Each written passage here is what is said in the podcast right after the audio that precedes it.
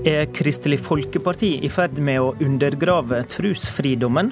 Det spør muslimske samfunnsdebattanter. Og driver NHO og undergrev skatteforliket, slik LO hevder? De to spørsmålene skal Politisk kvarter grave i i dag. I regi av tankesmia Agenda la politikere fra sentrum- og venstresidepartiene fram forslag til ny integreringspolitikk i går. Mest fokus fikk forslagene om restriksjoner mot bruk av hijab og nikab. Flere muslimske samfunnsdebattanter har reagert kraftig på det som ble lagt fram. Bushra Isak, du er kjent bl.a. som skribent i Aftenposten. Du skrev i går at opposisjonen nå skyver muslimske kvinner foran seg. Hva skuffer deg med det KrF er med på?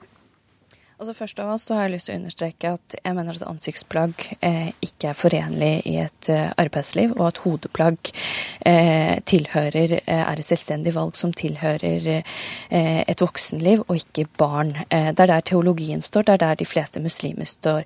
Men vårt anliggende er at, er et, at et forbud er svært problematisk. At de, man i et demokrati, i et liberalt rettsstat, har politikere som går inn for å straffe for forfølge enkelte kvinner og eh, pikebarn eh, tilhørende en bestemt religiøs gruppe fordi de kler seg som de ønsker.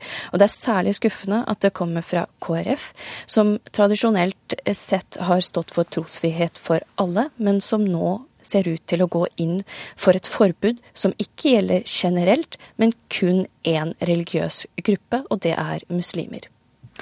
Men det er rapporter om at bruken av hijab blant barn øker. Er det helt uproblematisk i et integreringsperspektiv?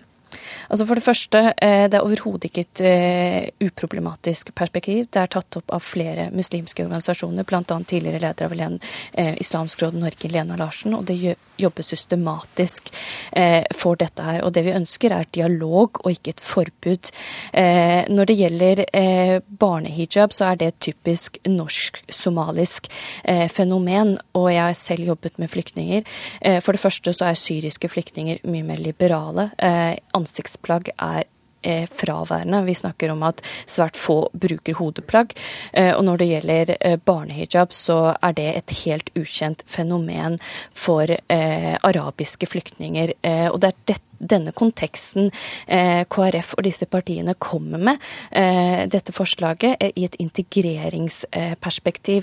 Og Det er derfor det føles nesten ut som man overdimensjonerer et problem som nærmest ikke eksisterer, fremfor å snakke om reelle integreringspolitikk som eh, bør eh, fokusere på tilgang mm. til arbeidslivet og tilgang til boligmarkedet. Og Det er nesten som man gir et valg mellom å velge en muslimsk identitet og det å være norsk, eh, og sprer egentlig en type frykt knyttet til muslimsk identitet i en tid hvor vi skulle trenge samlende og inkluderende ledere. Okay. Dagrun Eriksen, nestleder i KrF. Ditt parti har jo en historikk på å holde religionsfridommen høyt. Ikke bare for kristne, men for eh, alle. Når du er med på et forslag som skal innskrenke bruk av religiøse klesplagg, innskrenker du da også fridommen til å tro som en vil? Nei, vi gjør ikke det. og La meg bare presisere noen ting. Jeg er veldig glad for at eh, Bushra reagerer så sterkt som hun gjør, for da kan jeg jo få oppklart en del misforståelser i hennes innlegg. For det første, det er meg som eh, privatperson som har sittet i dette utvalget. KrF skal nå ja, ta stilling til disse forslagene. Ja, men KrF skal få behandle disse forslagene. Vi har ikke hatt de i partibehandling, bare så det er sagt. Men det andre jeg har lyst til å si, er jo at det er jo ikke et forbud mot hijab. Det er heller ikke et forbud mot barnehijab som dette utvalget har foreslått. Det er tvert imot kanskje kanskje å legge til rette for den arenaen som Ishak her etterspør nemlig å få dialog med foreldrene. Vi ønsker ikke barnehijab i norsk skole. Det vet jeg at det er mange, både muslimske og andre krefter, som snakker om. Men dere vil ha politiske retningslinjer for å begrense bruken, og da går jo politikken inn i det religiøse rommet, på sett og vis? Men du, vi skal ikke ha et forbud, vi skal ha et nasjonale retningslinjer som viser hvordan man kan jobbe i dialog med foreldre for å minske bruken av barnehijab. Vi har vært veldig opptatt av at forbud ikke ligger der. Det eneste som ligger på forbud på plagg, det er, og det går heller ikke på ett religiøst plagg, men det går på ansiktstildekning. Og Det handler om å stå i offentlige stillinger eller i norsk skole hvor man har behov for identifisering. Så er jeg veldig enig også med at dette er to veldig små saker i det store dokumentet som dette utvalget nå har fått lov å levere. Det er jo nettopp eh, arbeid fra dag én. Det er nettopp det å se hvilken kompetanse har man. Det er det å få folk kvalifisert inn i arbeid, som dette dokumentet inneholder veldig mange gode tiltak på. Det er hvordan vi skal få til bosetting. Eh, det er hvordan vi skal få til å matche kommunenes kompetansebehov med de ønskene på utdanning som nyankomne har i Norge. Men samtidig så peker Isak på at når en da velger noen sånne viktige markørsaker, så er du også med på å spreie en frykt for muslimer. Men vi må ta en stilling til hvordan offentligheten f.eks. For skal forholde seg til heldekkende eh, ansiktstildekning. Og Det er et av de forslagene som, som vi har. Men det som eh, jeg syns var trist som kom ut, og som jeg ser også mange har misforstått, er at de tror det er nå et forbud mot okay. religiøse hodeplagg eller religiøse symboler. Det har utvalget overhodet ikke gått for. Det handler om identifisering, og det handler om å få til dialog på barnehuset. Men, men det, det, er jo kommunisert eh, da på en veldig spesiell måte. For det høres altså det, det, man skriver i dette utvalget, er at man systematisk skal motarbeide én spesifikk plagg, og det handler om da muslimske plagg. Eh, og jeg syns det er en veldig naiv tenkning å tenke at man skal begynne å motarbeide fremføre spesifikke nasjonale retningslinjer, og at grensen for forbud og regler eh, da blir veldig eh, glidende. Og i tillegg til at dette her kan ha ringvirkninger oppover i skolesystemet. For når er det man først blir myndig, og når er det eh, lærerne skal slutte å tenke på å motarbeide dette hodeplagget. Og det jeg har lyst til å bare altså, Jeg er veldig glad for å høre det Eriksen nå sier, men jeg synes man skal Vi er i en veldig vanskelig tid akkurat nå. Eh, Europa har vært eh, utsatt for veldig mange terroranslag, og vi er i en tid eh, som legger hele samfunnet vårt under press i forhold til den flyktningkatastrofen vi møter. Og da er det veldig viktig med ansvarlig retorikk, særlig fra våre ledere. Og det, det, det som er veldig urovekkende, er at man ser nå en tverrpolitisk, med dette utvalget, et skifte fra den tolkning om sekularisme som sameksistens av ulike religiøse verdier, til nå et skifte til franske modellen, hvor man ønsker fravær av én spesifikk religiøs identitet, og det er den muslimske. Og, og, og det er veldig... La, la Eriksen få svare på det, Isak. Men da syns jeg vi har et felles ansvar. Eh, for jeg hørte ingen av utvalgsmedlemmene komme med den type retorikk som du nå videreformidler at vi skulle ha gjort. fordi at det er jo tvert om det vi i utvalget har jobba med. Det er jo ingen forslag om forbud mot hijab, eh, andre religiøse symboler. Tvert om så har jo, og det har vært store diskusjoner i utvalget på det, hatt en anerkjennelse av den religiøse tilhørigheten. Anerkjennelse av hvordan også det er en positiv bygging, og hvordan vi i dialog må finne ut til hvordan vi kan skape dette samfunnet til å bli vårt felles hjem. At ingen skal ha enerett på verdier, at vi må finne fram til dialog og hvordan vi sammen skal gjøre det. Så jeg vil nok anbefale alle de som har trodd at dette har vært de to eneste forslagene, å se at her handler det om hvordan vi skal klare å skape den gode starten. Hvordan vi som mangfoldet kan leve sammen. Eh, hvor både muslimsk identitet, jødisk identitet, kristen identitet eller en ren sekulær identitet skal høre til. Og at vi skal okay. fokusere mer på det som samler, enn det som skiller.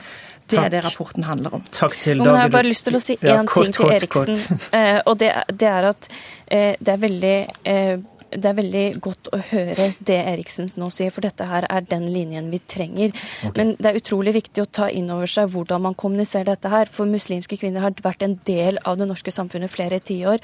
Og, og den norske modellen har fungert. I dag topper muslimske kvinner eh, høyere utdanning. Vi mm. tar høyere utdanning i større grad enn våre etniske medsøstre. Og ifølge OECD så er vi på europatoppen når det gjelder innvandrerkvinner Ei glad historie til slutt. Bushra Isak og Dagrun Eriksen, takk til dere to.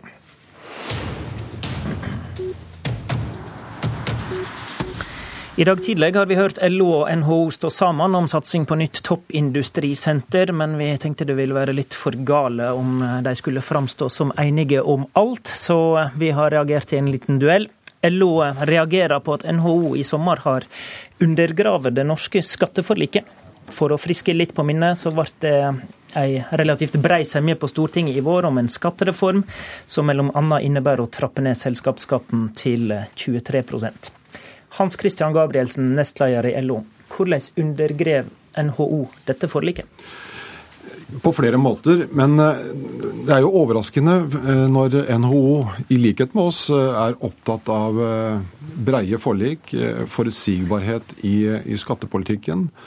Så har altså ikke blekket nesten tørka på forliket før man er ute og ber om, ber om ytterligere skattesenkning.